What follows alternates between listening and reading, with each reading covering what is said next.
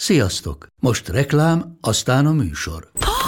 Hú, de szép szőnyeg. Új. Igen, tegnap vettem a Diegóban. Ó, és ez a függöny, de szép. Diego! És hamarosan lesz új laminált padló a hálóban. Rátszakott a bank. Csak regisztráltam Diego digitális klubkártyát vásárlás előtt. Csináljunk neked is egyet? Csak egy perc és kész. Regisztrálj te is áruházainkban, vagy a diego.hu oldalon, és azonnal megkapod digitális klubkártyádat, melyel akár 30% kedvezménnyel vásárolhatsz padlóburkolati és lakástextil termékeket. Diego.hu Már meg is kaptam e-mailben. Ez reklám volt, jó volt.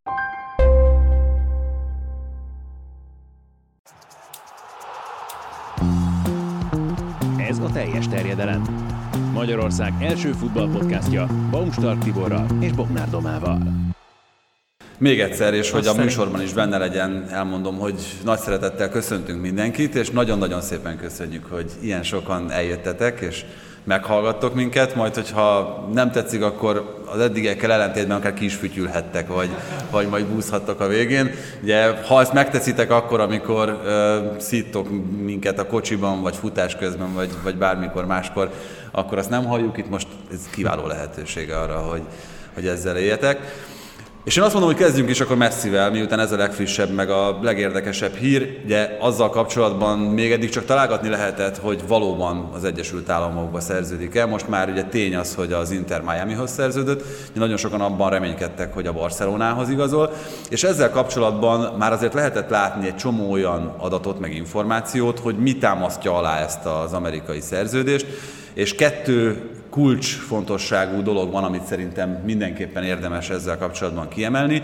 Az egyik az az Apple-nek a beszállása. Ugye az Apple TV Plus szolgáltatása az, hogy MLS meccseket lehet nézni, ugye lehetett MLS Pass-t venni ettől a szezontól, és ezzel akarják még értékesebbé tenni ezt a projektet, és ezért sikerült meggyőzni az Apple-t is, hogy érdemes ebbe az átigazolásba beleszállniuk és részt venniük benne úgy, hogy, hogy ez így legyen. A másik pedig az Adidas, amelyel ugye 2030-ig van szerződése jelen állás szerint az MLS-nek, az amerikai ligának, és ö, mikor írta alá, messze hiszem 16-ban írta alá az élethossziglan szponzori szerződést az Adidasszal, nem teljesen véletlen, hogy a, a szervezetnek, illetve a játékosnak pont ugyanaz a cég ö, szállít.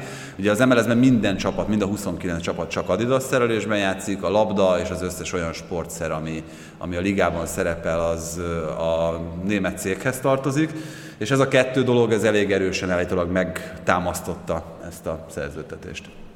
Hát mert máshol nem volt, ami megtámaszta. Ugye ez volt a, a gond, viszont olyan ellentmondást érzek itt, illetve hát egymás mellett történik ugye a két dolog, mert egy Messi a szaudi világbajnokságnak vagy pályázatnak egyelőre az első számú arca, és ugye ezért is utazott el Párizsból Szaúd-Arábiába, amikor nem szabadott volna, és hát most odaigazol Amerikába, ahol kimondva kimondatlanul ugye azért is van ott, hogy reklámozza a 2026-os VB-t is, tehát hogy egyszerre lesz a, a 26-os és a 30-as VB-nek is az arca. Nekem így ez volt az első, ami igazából nem ellentmondás, mert lehet egyszerre kettőt reklámozni, csak, Nem csak egy így időben furcsán, vannak. Igen, furcsán jön majd ki, hogyha Szaudarában megnyeri azt a, rende, vagy azt, igen, azt a rendezést, és akkor így összejön egy ilyen dupla reklám neki. Az biztos, hogy jó sok pénzről van itt is szó. Hát Majd ez be- pusztán, elnézést, hogy beleszólok, de uh, ez pusztán financiális döntés minden szempontból. Az, hogy nem a Barcelonába tudott leigazolni, az is abszolút egy pénzügyi probléma. Az, hogy így döntött, vagy akár a szaudiak mellett döntött volna, az is egy pénzügyi probléma, vagy egy pénzügyi megoldás a saját szempontjából. Ami egy picit amúgy szomorú, hogyha belegondolunk abba, hogy valószínű azért messziben még most is volt, mióta Párizsba igazolt bőven kiváló idény, és még valószínű benne azért nem úgy, mint Cristiano Ronaldoban lenne egy-két nagyszerű szezon, de azt mondta, hogy ebben a részében a karrierének már inkább nem az efféle célokat űzi meg. Hát kell is az Inter miami mert ugye az keleti konferenciában az utolsó helyen állnak, tehát komoly Öt, célokért. öt győzelem, 11 vereség, ugye? Az a mérleg. Nem tudom, csak azt láttam, hogy utolsók. Hát igen, de egyébként érdekes magának ennek az Inter Miami-nak is a történet, hogy ez 2018 óta létező klub. A, hát ahogyan lehetett olvasni, hallani róla, ők a, az MLS galaktikusai, meg a- az arisztokratái, tehát hogy nagyon távol vannak attól, ami egyébként például a déli csapatokat népszerűvé teszi Amerikában. Ott ugye leginkább azzal próbálják eladni a, a klubokat. Nem vagyok azért állandó MLS néző, meg, meg, meg nem dobban egyszerre a szívem a, a ligának az összes szívütésével, de azt azért lehet tudni, hogy ott a sikeres projektek egy igen jelentős része az attól lett sikeres, hogy sikerült megtalálni az ott élő Európából származó kisebbségeket a focival, az európai labdarúgással. Tehát a spanyol ajkúak tudták benépesíteni ezeket a stadionokat, illetve olyanok, akik egyébként valamilyen családi vonalon ezt fontos célnak, meg egy fontos dolognak tartották, hogy az európai foci ott is elterjedjen. És a, az Inter Miami az abból a szempontból egy teljesen más megközelítést alkalmaz, hogy sokkal inkább tényleg ez a felülről építkezünk, arisztokraták vagyunk, nagyon nagy sztárokat igazolunk, nagyon elegánsak vagyunk, és Bekemék, ha jól értettem, és hogyha jól láttam, akkor ezt a vonalat próbálják vinni. Ami Floridában azért egy picit furcsa, főleg, hogyha ilyen spanyol ajkúakról beszélünk, meg arról, hogy hogyan áll össze egy-egy államnak a társadalmi összetétele, de most nyilván ez olyan szinten nem feltétlen reprezentatív, vagy szerintem egyikünk sem emlékszik az összes létező világklasszisra, aki az utolsó éveit megpróbált Amerikában eldönteni, de őszintén megvalva, ahogyan most így visszatekintek, ezeknek a projekteknek általában nem bajnoki cím lett a vége. Ibrahimovic, ha jól emlékszem, ő nem nyert bajnoki címet az MLS-ben. Lampard, Pirlo biztos, hogy nem nyert bajnoki címet az MLS-ben. Ki Gerard, még? Gerardnak Gerard. se jött össze. Titi, igen. Igen, hát ha, De... majd, ha majd Messi is úgy búcsúzik a végén, hogy you're welcome, mint ahogy Ibra, Ibra tette ezt. Ő igen, Bél meg Kielini, igen. Igen? Ja, Bél, így van. De valóban egyébként ez így van. Ezzel együtt egyébként nagyon kíváncsi leszek majd a véleményetekre, hogyha erről ö, esetleg beszélünk, hogy Nektek milyen érzéseitek vannak ezzel kapcsolatban, mondjuk szemben azzal, hogy itt ugye három lehetséges forgatókönyvről beszéltünk. Volt a közel-keleti esély, hogy Szaudarábiában játszom egészen felfoghatatlan mennyiségű pénzért, ugye 400 millió dollár, dollárról volt szó. Most Benzemánál ennek körülbelül a fele, az, amiért ő aláírt, ami, ami még mindig felfoghatatlanul az sok pénz. majdnem egy NFL csapatnak a sapkájának a maximuma, amit a Benzema meg fog keresni egy év alatt. De, de, de Messi még tényleg ennek a dupláját kapta volna, hogyha odaigazolt. Tehát ez volt az egyik út, állítólag azt lehetett olvasni, hogy ez valójában fel sem merült, tehát nem is fontolgatták komolyan azt, hogy Szaudarábiába igazoljon. A Barcelona meg ez volt a két lehetőség. És hogyha most azt nézzük, hogy mondjuk verseny szempontból mi volt a megfelelő lépés Messinek, én, én ki tudok egyezni ezzel, hogy, hogy, hogy Miami-t választotta. Én csak azért nem, mert van még benne, biztos vagyok benne jó év. Vagy hát lett volna, gondolom én. És ugye volt ez az opció is, hogy esetleg az Inter Miami megveszi, és kölcsön adja őt a Barcelonának. Hogyha még ezek után kiderülne, hogy ez esetleg összejön, akkor egyrészt nagyon meglepődnék, másrészt meg az lenne az igazán üdvös dolog, de tehát ezek szerint leadta a pénzügyi tervet a Barca, mármint elfogadta azt a La Liga, és kiderült, hogy ebbe a keretbe messzi elképzeléseivel összeegyeztethetetlen, összeegyeztethetetlen számok szerepelnek. Picit olyan szempontból ez nyilván a semmiben turkálás, hogy nem igazándiból ismerjük Messinek, Lionel Messinek a motivációit, meg hogy ő hogyan működik emberként. Hát bocsánat, egyet ismerünk, a, ugye a feleségének és a családnak elég nagy ráhatása volt erre, és azok elég erős plegykák voltak, hogy azt uh, szeretné a párja, hogy ne menjenek Szaúd-Arábiába, mert ott mit tudsz csinálni azon kívül, hogy hogy a pénzben fürdesz? Hát valaki meg szokta kérdezni a családját erről, valaki pedig elrángatja az egész familiát, ahogy van, évek hosszú ö, vonalára, de ezt csak zárójelben teszem hozzá. Ettől függetlenül nyilván azért mondom, hogy nem nagyon ismerjük az ő motivációit, mert hát most ez megint olyan, hogy nem emlékszem pontosan, de ha jól gondolom, akkor ő 18 éves kora óta folyamatosan egy ilyen elképesztő kompetitív környezetben dolgozik, ahol szinte az első pillanattól kezdve úgy volt kezelve, mint a legfőbb égköve a körülötte lévőknek, és azért ebbe egy idő után bele tud unni az ember, meg bele tud fáradni. És főleg, hogyha mondjuk elképzelem, hogy a párizsi öltözőben mennyire motiválhatták a csapattársai, meg az egész klubnak a működése, hogy az utolsó éveit még ö, valamilyen szinten sikeresnek is mondhassa, Plusz hozzáveszem azt, hogy Argentinával is megnyert mindent, amit szeretett volna, és idén sikerült ott is felérni a csúcsra. Így ilyen szempontból az, hogy inkább megpróbálod kisajtolni a lehető legtöbbet pénzügyileg az utolsó éveidből, amíg még az aktív pályafutásod fut, az egy ilyen nagyon logikus döntésnek tűnik. Hát meg én azt gondolom, hogy most bár Saudi meccset még kevesebbet nézek, mint amennyi, amennyi MLS, mérkőzést, de... Számokat kérünk, Tibi. Nem számoltam össze a legutóbbi hónapokban, de én kompetitívebb ligának gondolom az MLS-t azért még mindig lényegesen, mint Cristiano a... Ronaldo szerint ez nem soká nem így lesz, úgyhogy óvatosan ezekkel a szavakkal, még nyáron bármi történhet. Hát ugye az már biztos, hogy Benzema mellett Kanté is odaigazol Szaudarábiába, és szép lassan azért uh-huh. duzzadt föl ott a sztárokkal a szaudi bajnokság is. Arra leszek kíváncsi egyébként, hogy itt Európában van olyan, nem tudom, tudjátok, van olyan ország, ahol ezt már közvetítik? Biztos vagyok benne, hogy nem. Ezt most hasból mondom, de biztos vagyok benne, hogy nem. Mert az MLS-nek nyilván van azért, van azért közvetítés, már csak amiatt is, Persze. amit itt beszéltünk, hogy, hogy az Apple TV bárki számára most már hozzáférhető, de hát bevallom, hogy azért sem nézek Saudi Ligát, mert nem használok illegális Ez nem streameket. ilyen FIFA tévés, tehát hogy a, a rászoruló ligákat ingyen közvetítik a YouTube-on? Ők rászorulnak valóban. Alig tudnak mit kifizetni, Mongol alig tudnak meg a Saudi Ligát. Szóval az az elméleted, hogy lesz olyan majd Európában, aki megveszi ezek miatt a játékosok miatt Biztos, a Saudi hát, bajnokságnak a hát jogait. Előbb-utóbb, hogyha, hogyha ez így folytatódik, hogy ennyi eladható arc kerül oda, mert azért szerintem legyen bárhány éves Benzema, meg Cristiano Ronaldo, mindig lesz ember, aki kíváncsi lesz rá, úgyhogy innentől kezdve ők eladhatóak. Ezért biztos, hogy valaki meg fogja fontolni. Pláne, hogyha olyan, olyan sporttelevíziós bőség lesz, mint amilyen, amilyen hosszú éveken keresztül Magyarországon uralkodott, amikor még a belga bajnokság jogaiért is harc folyt.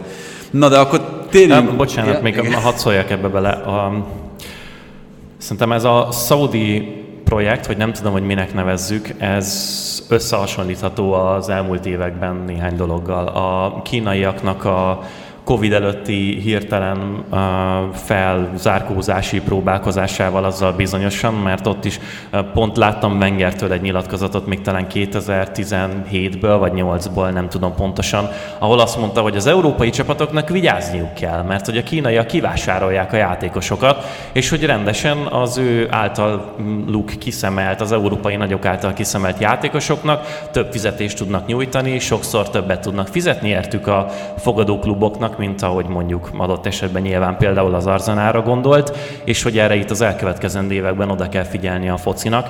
A, az a kínai projekt az nyilván nagyon sok mindenem meghalt, a kínai építőiparon, a Covid válságon, meg a kínai államnak a működésén is, de azért én azt gondolom, hogy általában az ilyen fellendülések, meg fellángolások nem szoktak nagyon sokáig tartani, és a szaudiaknál is inkább azt gondolom, hogy valami hasonló lesz, mint mondjuk ami a katari államnak a sportberuházásaival kapcsolatos, és lehet, hogy itt az elkövetkezendő két évben még megpróbálják az összes ilyen európai veteránt, aki megszerezhető leakasztani, aztán semmi sem lesz belőle. De Bence, még ha ki is tart, egyszerűen akit a leg kevésbé is, tehát egy nagyon picit is motivál az, hogy ő trófeákat nyerjen, az nem fog oda menni.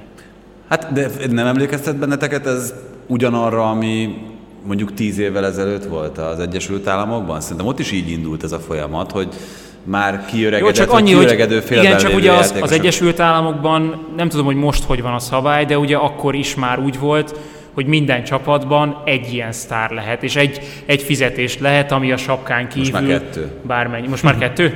Igen. Hát akkor most már bejel vagyunk, tehát hogy ez, ez azért lekorlátozza. Lehet, hogy a, a szaudiaknál egy csapatban lesz majd öt, de ki lesz a keretnek a másik 18 játékosa?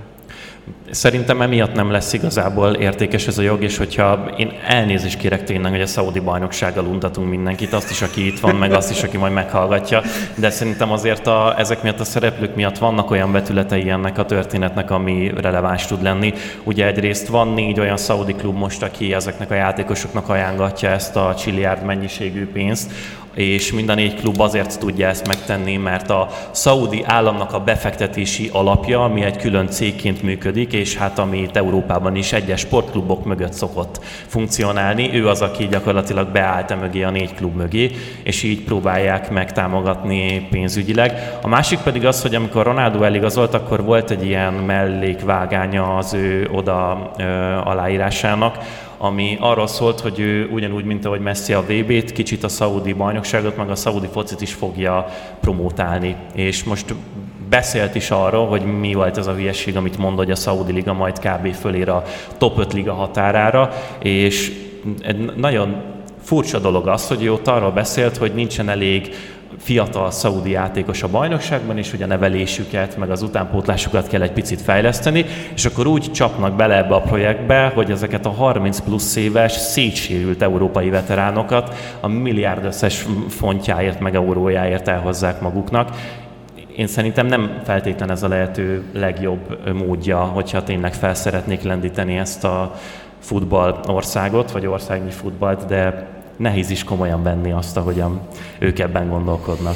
Na srácok, ennyit szántunk erre a három témára, amit erről az egyről beszéltünk itt a meccsek mellett, de azért szaladjunk egy gyorsan azon a másik kettőn, amit mindenképpen beterveztünk. Maldini és az ő elég sokkoló távozása hétfőn a Milántól. Akkor, amikor fölvettük a szezon összefoglalót, nem tudom, hogy vannak-e közöttetek, akik már meghallgatták, ezt a műsort, akkor még nagyon számításba se vettük ezt a lehetőséget. Én személyesen azt mondtam, amikor először felröppentek ezek a hírek, még mikor volt ez, egy hónapja, másfél hónapja, hogy Mádini veszélyben lehet, akkor azt mondtam, hogy ez valami teljesen blöd újságírói kitaláció. Nem létezik, hogy, hogy azután, hogy ezt a projektet, ezt az én értékelésem szerint lényegében ráhúzták föl, de ezt talán tudjátok, hogyha hallgatok teljes terjedemet, hogy én meglehetősen elfogult vagyok Paolo Maldinivel szemben, hogy, hogy ebből kipattintják őt. És nagyon nehezen is találom erre a szavakat. Számomra mindig ő volt a, a referenciapont, akár játékosként, később csapatkapitányként, és most technikai igazgatóként, vagy először ugye fejlesztési igazgatóként, amiként oda került a Milánhoz annak idején egy olyan szerepet vitt, aminél nagyon-nagyon szűk korlátok és, és lehetőségek között kellett mozogni, és én, az én értékelésem szerint, bár hát nyilván az sokkal kevesebbet számít, mint Jerry Cardinale értékelése és szava, ezt nagyon jól megoldotta az esetek többségében. Akkor is, hogyha az előző nyári átigazolási időszak az, az úgy, ahogy volt egy félremenedzselt egy hónapnak, vagy kicsit még annál is rövidebb időszaknak nevezhető, mert ugye elég későn dőlt el az, hogy, hogy ő folytatja egyáltalán a munkát Masszárával. Szóval én egy kicsit értetlenül állok ezelőtt az, az egész ügy előtt, és, és így nagyon nehezen tudom elképzelni azt is, hogy, hogy itt megnyugtató megoldás születhet ebben a témában a Milánnál. Most, hogy ezt megbeszéltük. Ki az, aki amúgy az olasz focit szeretét közületek a leginkább? Tibi, neked nem hiszük el igazából. Nagyon bátortalanok vagytok. Ilyen óvatosan tettétek fel a kezeteket. Mm. A, nem tudom, hogy ki nézi a CBS-nek, az amerikai BL közvetítő csatornának a híres neve szerintem már elünk, e, általunk is műsorban előcitált műsorát, amiben a Michael Richards, a Thierry Henry, a Jamie Carragher és a két Abdo nevű műsorvezető hölgy szerepel. Egyrészt Tibinek elég nagy kedvence, és volt egy olyan, azt hiszem, hogy a BL elődöntőknek a visszavágóján volt, vagy az, elő, vagy az odavágón teljesen lényegtelen, amikor Maldinival készítettek egy interjút. Odavágón. A, az odavágón, hát azért mondom, fejből tudja, és olyan szintű fangölködést vezettek elő mindenki, aki csak beszélni tudott a Maldinival, hogy a Tibi utána azt nekünk a másnapján ennek a műsornak egy ugyanilyen lendülettel és ugyanilyen lelkesedéssel mesélte.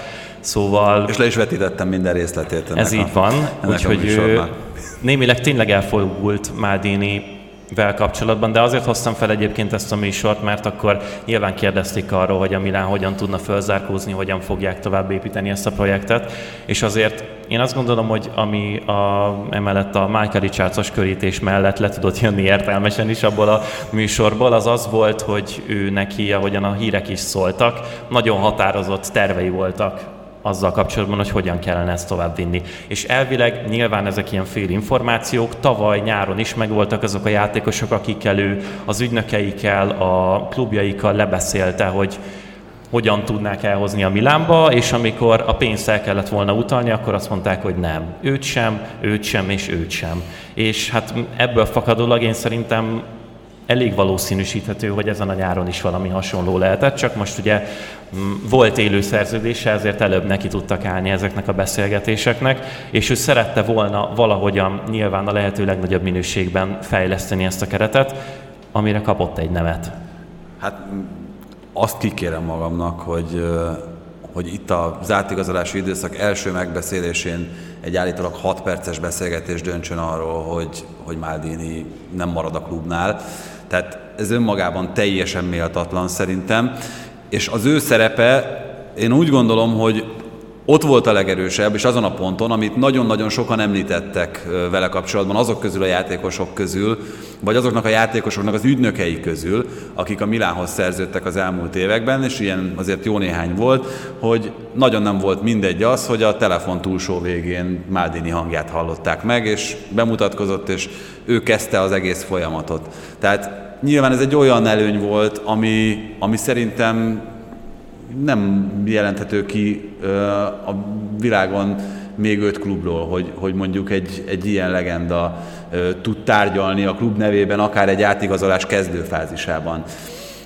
És ezt az előnyt teljesen függetlenül attól egyébként, hogy Maldini milyen igazgatói munkát végzett mellette, meg milyen mérhető munkát végzett, ezt az előnyt csak úgy odadobni a kutyák elé, szerintem óriási baklövés. És még ezen a vonalon maradva egy mondat erejéig, van a nézőközönségben is Milán szurkoló, meg itt közöttünk is, szóval nem akarok nagyon beleszállni a klubba, de hogyha így a teljesség igénye nélkül átnézzük az elmúlt éveket, sikerült megégetni Gattuzót, Zédorfot, most már Maldinit is a klublegendák közül, és akkor még valószínűleg nem is jut eszembe valaki különböző szerepekben Bronkit. edzőként is, illetve most már sportigazgatóként is, ami nagyon kellemetlen, főleg, hogyha egy ilyen múltal rendelkező klub vagy, hogy elő tudsz húzni ilyen arcokat, akik nagyon sokszor egy krízis helyzetben rengeteget tudnak adni egy klubnak ilyen kinevezésekkor. Hát most már az elmúlt húsz évéből nem nagyon maradt a Milánnak olyan, aki elő lehetne vezetni egy ilyen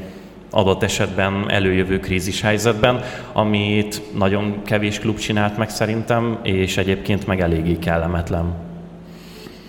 Doma? Csöndben maradsz? Pont én ebben a témában csöndben maradok, mert csak egyéb hülyeségeket tudnék Akkor Szoboszlai Dominik, ugye beszéltünk már róla egy kicsit a Bundesliga összefoglaló adásban és egy kicsit a Premier League összefoglaló adásban is, mert hogy ugye ez a kettő bajnokság az, amelyik leginkább érintetnek tűnik ebben a pillanatban az ő lehetséges klubváltásában. Mi is úgy tudjuk, mint ahogy egyébként ugye egyre többen írják különböző forrásokból, hogy ez a newcastle megállapodás és az erről folyó tárgyalás az egészen komoly dolog, és pont Pete, te mondtad el ugye a, a szezonzáró adásban, hogy ő egyébként egy mennyire jó és megfelelő megoldás lehetne a Newcastle csapatában. Én csak annyival egészítem ki, amit szerintem akkor is mondtam, hogy egyrészt a Newcastle-nél az azért nagyon jól látható az elmúlt bő egy év alapján, amióta építkezik a csapat, hogy volt olyan játékos, Bence, akit leigazoltak, mondjuk értelmezhető összegére, és nem Chris Woodra gondolok itt elsősorban, és nem játszott? És nem szántak neki, mert, mert én azt, azt érzem a newcastle hogy akit, akit ők szerződtetnek, azoknak szerepet is szánnak. Persze, igen, a, és nyilvánvaló, hogy Bruno Gimarás mellett a második ilyen tényleges fontos ékű lenne ennek az építkezésnek hát, az elején. Hát Iszakért adtak ki nagy pénzt, ő bal szerencsés módon sérülten kezdett, de hát szerintem egészen zseniális volt a szezon utolsó időszakában. De személy szerint én nem tartom feltétlenül az ő plafonját olyan magasan, mint a Brunonak meg Szoboszlai Dominiknak, de lehet, hogy ebben a kérdésben elfogult vagyok, de teljesen egyértelmű. Tehát, hogyha itt ők ténylegesen annyira akarják, és ez ilyen harmadkézből kapott információ, szóval nem akarom előadni, hogy én a Dominikkal beszéltem tegnap, de hogy amennyire ilyen úton, útfélen hozzá tudunk férni információkhoz, ez egy nagyon-nagyon-nagyon-nagyon reális és ténylegesen élő vonal. Tehát, hogy a Newcastle tárgyal Dominikékkal és a Lipcsével, és szeretnék őt, ez pedig azt jelenti, hogy nyilván nagyon fontos részének képezni őt ennek a projektnek. Gyorsan ránéztem a, a keretre, és Káriusz az egyetlen, akit nem nagy pénzért, de igazoltak, és kevésbé játszott. Hát egy ligakupa döntő nő is védett, csak úgy az mondom. igaz, az igaz, azt ne felejtsük el. Viszont már idén itt a nyár elején is annyi név szóba jött a newcastle hogy azért nem hasonlítanám össze teljes egészében az előző nyárral. Tehát amikor már nagyobb összeget is költhetsz, tehát hogy meg is van rá a, a szabályat a kereted, akkor azért ezzel óvatosabban kell bánni, és most már azokon a posztokon sem a régi játékosok vannak a Newcastle-nél, tehát bárhova is érkezik Szoboszlai, meg lesz a posztriválisa, és innentől az, hogy biztosan játszik, abban én nem vagyok annyira biztos, de... Hát azért szerintem Joe Willock nem biztos, hogy ugyanaz a szint, mint Szoboszlai Dominik. Sean, Long, Sean Longstaff. Uh, de annyit szerettem volna még ehhez mondani feltétlenül, hogy nem, nem feltétlen a kommentelőkkel szeretnék vitatkozni egy teljes terelem felvétel közepette, de hogy láttam ilyen vélemény Dominikkal kapcsolatban, hogy most megint BL-ben lehet, nyertek egy kupát a Lipcsével, és hogy akkor most még maradjon egy évet ott, és bizonyítsa 126-szorra is, hogy ő a legmagasabb polcra tud előre menni, és hogy ő tényleg ezt a szintet képviseli, ami szerintem egy ilyen nagyon idióta vélemény. Szoboszlai Dominik van annyira jó játékos, hogy a Newcastle-nek, ami az egyik leggazdagabb és legnagyra törőbb európai futballprojekt, az egyik legfontosabb játékosa legyen. Szoboszlai Dominik van annyira jó játékos, hogy a Premier League-ben egy folyamatosan bajnokok ligája indulásért csapatnak az egyik legfontosabb játékosa legyen. Szóval amit ezzel kapcsolatban el lehet mondani, hogy ő mire lehet képes, azt ő már bizonyította, és neki nem kell megugrani ezt a szintet, csak el kell érnie, hogy oda jusson ahhoz a csapathoz, ami a Lipcsénél egy picit talán följebb van. Hát de annyit fontos leszögezni itt a newcastle kapcsolatban, hogy voltak különböző számítások arról, hogy mennyit költhet ez a klub közvetlenül itt a tulajdonosváltás után. Ugye, tényleg azt lehet tudni, gondolni, hogy majdnem végtelen ez a pénzérzsek, amiből lehet kivenni a pénzt. És az, el, az előző évek spórolásának köszönhetően, illetve azoknak a reklámszerződéseknek, amik hát most a jó ég tudja, hogy ezek közül mennyi a valós és mennyi a, a kreált dolog, de mindegy, léteznek és úgy számoltak akkor gazdasági szakértők és újságírók, hogy ilyen 300-320 millió font az, amit az első két átigazolási időszakban elkölthet a klub. Ugye azt tudjuk, hogy ennél lényegesen kevesebbet költött a Newcastle, és ez folyamatosan görög előtte ez a lehetőség. Tehát, hogyha ők valaki kiszemelnek maguknak, valaki megtetszik a newcastle akkor az szinte probléma nélkül rámutathatnak, és, és azt mondhatják, hogy na, fiam, te gyere ide. Azért ennek a két fő korlátja eddig a Newcastle városa volt értelemszerűen, ami megmaradt, mert talán azért nehezen hasonlítható össze Monte Carlo-val. A másik az pedig az, hogy nem szerepelt európai kupasorozatokban ez a klub. Azzal, hogy a BL hamarabb összejött, mint ahogy szerintem azt bárki jósolta, megvárta, azzal hirtelen ugrott kettőt vagy hármat is előre ez a klub. Tehát, hogy az elképzelhető, amit itt mondta az előbb Doma, hogy, hogy igen, ez a nyár, ez ilyen szempontból egészen más lesz, de hogyha valósak azok, a, azok az árak, meg azok a költségek, amit mondjuk Dominik leigazolására költhet a Newcastle, itt ugye 70 millió fontról van szó, amennyire lehet tudni a háttértárgyalásokat. Azért azt gondolom, hogy annyit nem, nem dob ki a Newcastle sem olyan játékosra. Pont ez az, ezt akartam mondani, hogy vannak olyan játékosok még a piacon, akik mondjuk hasonló profilúak, mint Szoboszlai, de egyel olcsóbb választások, és pont emiatt mondjuk Gabri Veiga, akinek van egy 40 milliós kivásárlási ára a Szeltából, és volt a La Ligában egy, egy, ha nem is ugyanolyan, de elég hasonló idénye, mint a Szoboszlainak, azért lehet, hogy kétszer meggondolja egy, egy Newcastle szintű klub, hogy mennyit ad ki rá. Pont. A Gabri Veiga szerintem nagyon-nagyon tehetséges, és amikor a Doma kimondta azt, hogy vannak hasonló profilú játékosok, akkor esküszöm, hogy ő jutott eszembe először. Ettől függetlenül szerintem fele olyan játékos pillanatnyilag, mint Szoboszlai Dominik. Jó, hát a BL-ben ő még nem játszott, nem bizonyított, lehet kicsit hullámzó szezonja volt, de, de ugye ő meg még fiatalabb, mint Szoboszlai. Igen, ezzel együtt egyébként, tehát, hogy a, annál a pontnál, amikor mondta Bence, hogy, hogy jó lenne, hogyha esetleg a Leipzignél maradna Szoboszlai Dominik, nyilván azzal sem követne el valami égbe kiáltó hibát, de azt hiszem, hogy mindhármunk nevében mondhatom, hogy úgy gondoljuk, hogy talán ennek a, ennek a környezetváltásnak. Hát szerintem Spanyolországban jobb helye lenne, de ez személyes vélemény. Ez, lépjünk, ez a te személyes véleményed egyedüliként tennél az asztalnál. Ebben a teremben, ugye? Na, és akkor beszélünk akkor első... Ja igen, hallgatunk.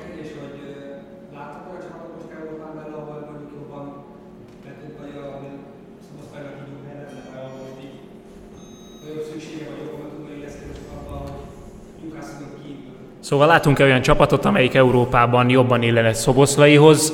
Nekem az első, ami erről eszembe jut, az, hogy bajnokok ligája résztvevő csapatnak kell lennie, ugye? Tehát, hogy a Newcastle-nél ez adott, a Leipzignél ez adott, és akkor nézelődjünk még BL csapatoknál. Most így hirtelen, nem tudom, én hogyha Spanyolországra gondolok, akkor a Real Madridnál már telített a középpálya, és a BL-be még a Real Sociedad jutott be, amelyiknél ugyan biztos szívesen látnák Szoboszlait, de ők nem fognak ennyit kiadni egy játékosért. Hát ö, nyilvánvalóan pont amiatt, amit itt ö, mondtunk mindannyian, szerintem nagyon könnyű elképzelni bármelyik ö, európai csapatban. Egyrészt a profilja miatt, meg egyrészt amiatt az extra miatt, amit, amit ő tud. Ö, én például a Milánban is egészen simán el tudnám képzelni, hogy, hogy más... Meglepő fordulat. hogy más nem említsek.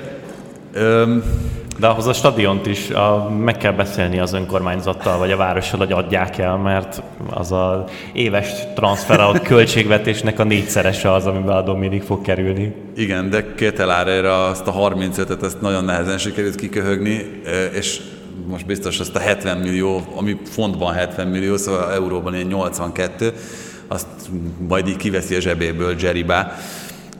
Mádini fizetéséből megsporolta. ne, tehát nyilván ez nem reális.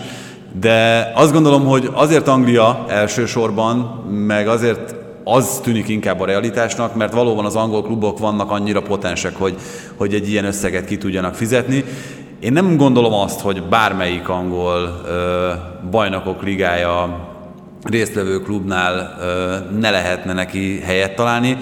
Ö, erre mondjuk ennek realitása egyedül azért a Manchester Unitednél nincs, én azt gondolom, mert hogy ott azon a, azokon a posztokon, amiken esetleg őt be lehet vetni, hogyha nem úgy gondolunk rá feltétlenül, mint, mint egy ilyen box-to-box, vagy cirkáló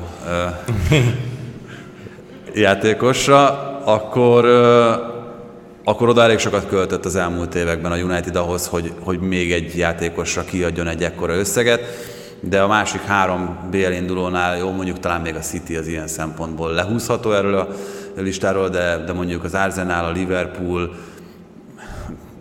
igen, az, az, az mindenképpen a Newcastle mellett ö, ott lehet azok között, a csapatok között, amelyik, amelyiknél értelmes lenne. A srácok azért nagyjából jól leszűkítették a lehetőségeket, tehát itt egyszerre kell azt figyelembe venni, hogy mi a realitás, és mi az, a, hova adott esetben őt könnyen be lehetne illeszteni. Na most a Milánban fantasztikus lenne valószínű, tehát tényleg, csak ugye ennek nincsen uh, semmiféle valóság alapja. A Juventusban is biztosan nagyon Marad jól még működne. a Napoli tényleg amúgy.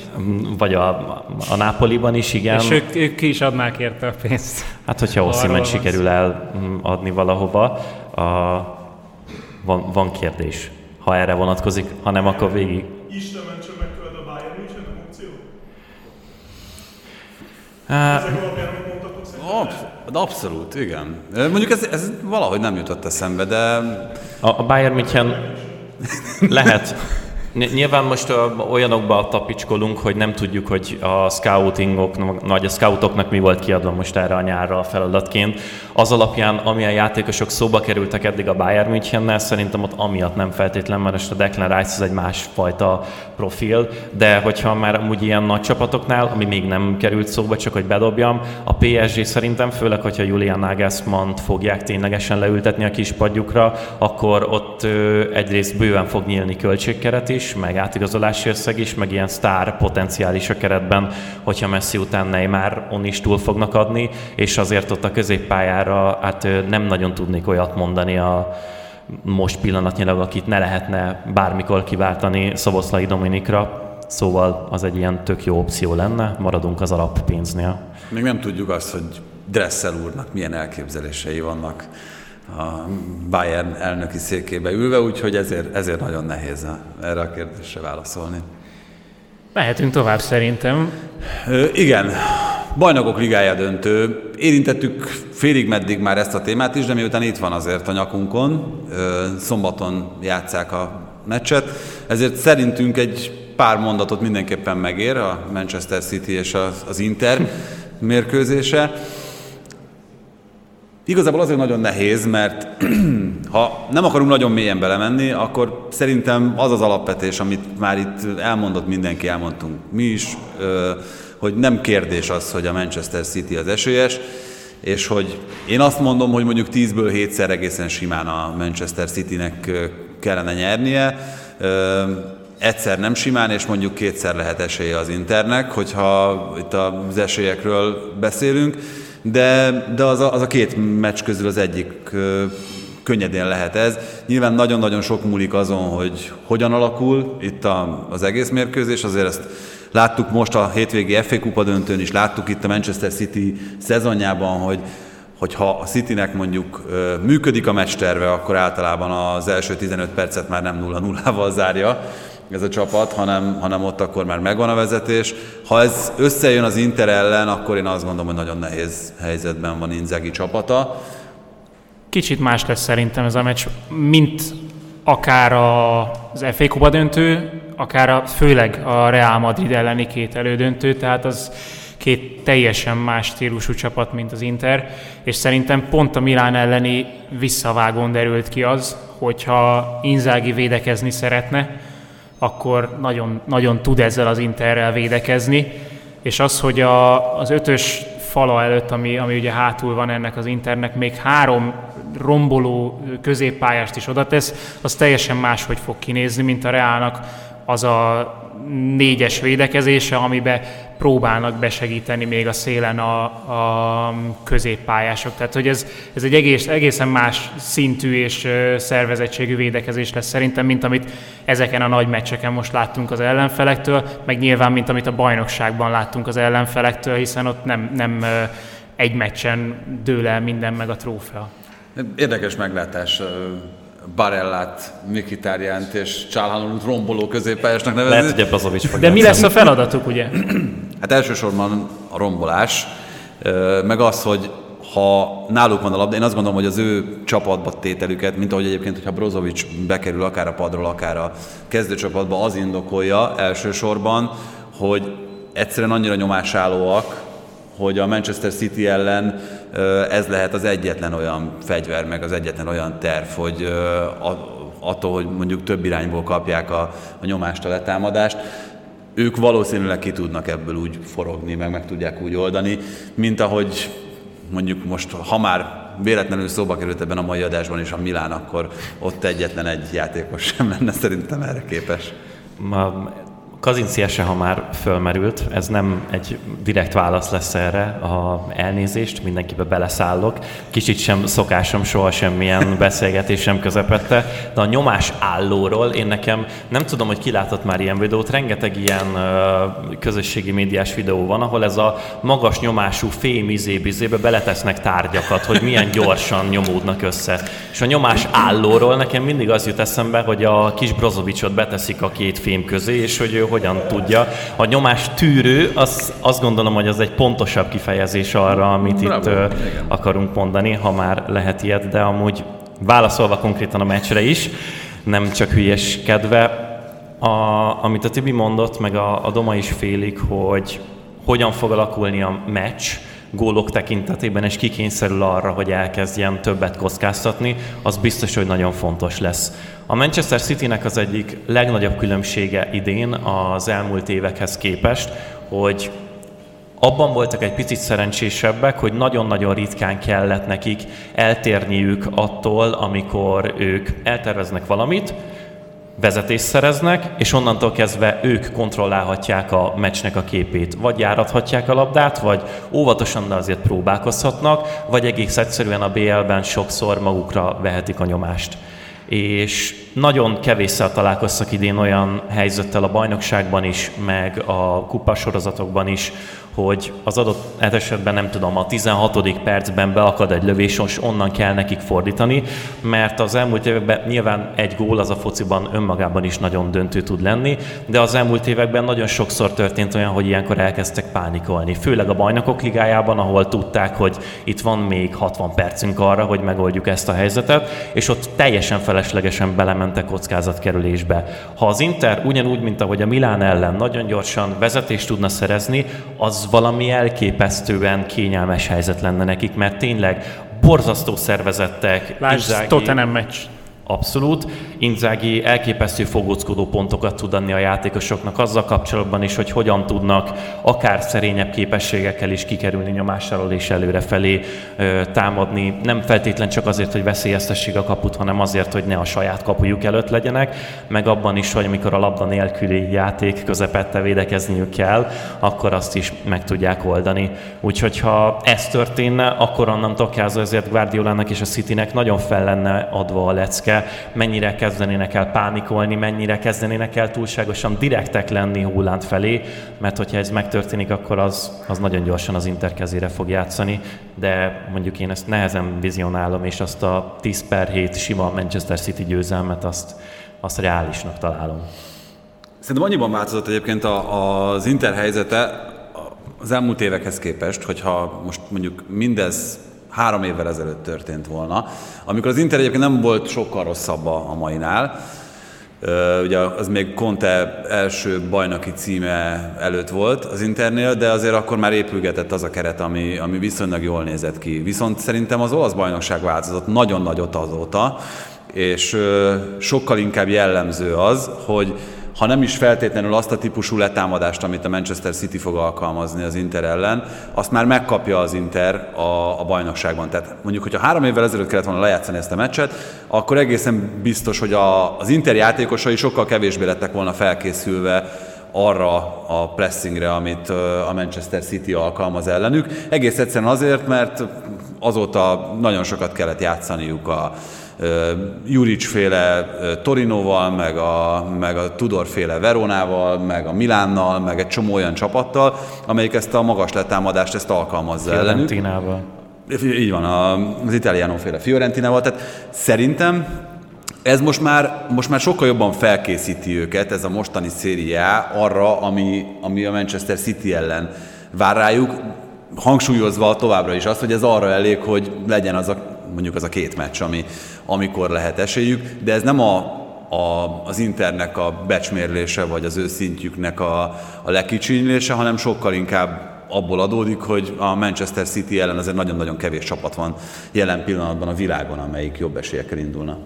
Sőt, ezt szeretitek mondani, ezeket a, labdakihozatali sémákat, a, ami az Internek nagyon, nagyon működik, és az a Milán ellen is kijött, hogy Dumfries és Darmian ezekben mennyire jó.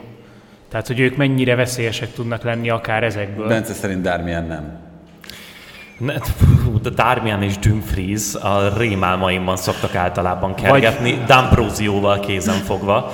A... Dimárkót akartam mondani, úgy bocsánat. Dimárkó ő, ő már egy sokkal jobb futbalista, önértékén is, meg reál értékén, mint mondjuk Dumfries, aki konkrétan belebotlik a labdába, a, és hogyha a 16-oson belül teszi ezt, akkor abból gól tud kisütni egy válogatott tornán, és már is 30 milliós játékos lesz belőle. De hogyha kitomboltam magamat, persze, az az Internél, hogy és ez szerintem nem egy ilyen szemétség vagy nagyotmondás, hogy szerényebb képességű vagy kevésbé jó képességű futbalisták játszanak náluk, mint a Manchester City-nél. Inzaghi nagyon sokszor tudja őket egyenlőségre kihozni, akkor is, hogyha ez a helyzet az ellenfelekkel szemben. Én a labda kihozatalai miatt nem is kifejezetten aggódom, főleg, hogy André Onanának a nevét azt, azt gondolom, hogy ha valaki felvezeti a BL döntőjét, akkor mindenféleképpen el kell mondani, mert ő egy akkora plusz tud lenni sok-sok ellenféllel szemben, mert, mert tényleg úgy tud funkcionálni, mint egy plusz mezőnyjátékos az Inter csapatában, és ez a Manchester City ellen nem feltétlen mindig van így. Visszagondolva például a néhány nappal ezelőtti FA Kupa döntőre, ahol David De Gea nagyjából onnanának a lehetséges játékának a 20%-át tudta hozzátenni a Manchester Unitedhez. Szóval én amiatt nem igazán aggódom. A, a City olyan brutális támadó erő, vagy nem tudom micsoda tank, hogy a lehető legszervezettebb csapatokat is le tudják bontani, és hogyha az Intert felkészíti a Szíriá arra, hogy a labdakihozatalaikkal hogyan tudjanak eljutni az ellenfél kapujáig, a Manchester City-t a Premier League meg minden igazából a szezon közben tökéletesen felkészíti arra, hogy hogyan kell lebontani ilyen mélyen ülő blokkokat, és ez simán lehet az, hogy az Inter majdnem mindent jól csinál, de egyszer egy játékos elcsúszik, és onnantól a City van előnyben, az Internek egy picit ki kell támadnia, és akkor már ez, hogy hogyan áll a meccs, meg kinek kell többet kockáztatnia, ez, ez brutálisan el fogja tolni az irányt. Simeone szerintem elég sok Brentford meccset néz vissza majd most, mármint a nagyok ellenét, és főleg a City ellenét. Lehet, hogy cserecsapat játszott, de, de valami elég hasonlót próbál majd szerintem ő is Ami nem Simeone, hanem Simone Inzaghi. Simeonét mondtam? Freudi Hirtelen, volt. igen, hirtelen ezen gondolkoztam, hogy mi van az Atletico Mikor játszik az Atletikóval? Ugye a Barcelona elment egy nappal a bajnoki befejezés után valami, ja, igen, az Iniesta Nem egy nappal, játszottak. hanem konkrétan aznap. aznap Tehát azért, azért kaptak ki Végóban valószínűleg. Nem, nem tudom, hogy a spanyolok terveznek-e még ilyen barátságos meccset. Én sem. Na Még. Egy, a... egy utolsó kérdés, Igen? bocsánat, itt a BL döntőhöz, hogy szerintetek Jékónak vagy Lukaku-nak kellene kezdeni. Lukaku idén a BL-ben egyetlen egy meccsen sem kezdett, viszont mintha itt a szezon végére ez már nem lenne olyan egyértelmű, hogy, hogy Jékó vagy Lukaku. Jékó. Én is azt gondolom, hogy, hogy Jacko, de ez abban az esetben igaz, hogyha ha sikerülne túlélni ezt az első 15-20 percet az Internek kapott gól nélkül. Én úgy gondolom, hogy, hogy ez eddig a bajnokok ligája menetelésben tökéletesen működött Inzáginak, hogy tehát én azért nem tudtam haragudni Piorisra sem, hogy a, az utolsó 20 percben nem küldte rá a, az Interre a Milánt, mert onnantól számítva Lukakuval a pályán ez egy olyan kivégzés lett volna, hogy, hogy azt, azt, azt tényleg mészárszék. Ez egy, hogyha eljut esetleg odáig ez a meccs, akár 0-0-nál, akár, akár netán egy, egy intervezetésnél, hogy a kelleténél egy kicsit többet kell kockáztatnia a Manchester Citynek, akkor Lukaku még annál is többet érhet, mint amennyit, amennyit akár kezdőként. Az, hogy Lukaku ilyen marha jónak tűnik az elmúlt hetekben, inkább hetekben, abban nagyon erősen benne van az, hogy ő a bajnokok ligájában például többségében csereként tudott beszállni már fáradt ellenfelek ellen, és úgy tudott rárohanni az ellenfelekre. És az, hogy úgy emlékszünk, hogy a Conte rendszerben Lautaro Martinez és Lukaku milyen frenetikus és fenomenális duót tudott alkotni, hát annál én csak egy jobbat tudok ilyen játék kapcsolatban a J.K. Lautaro Martinez idénről.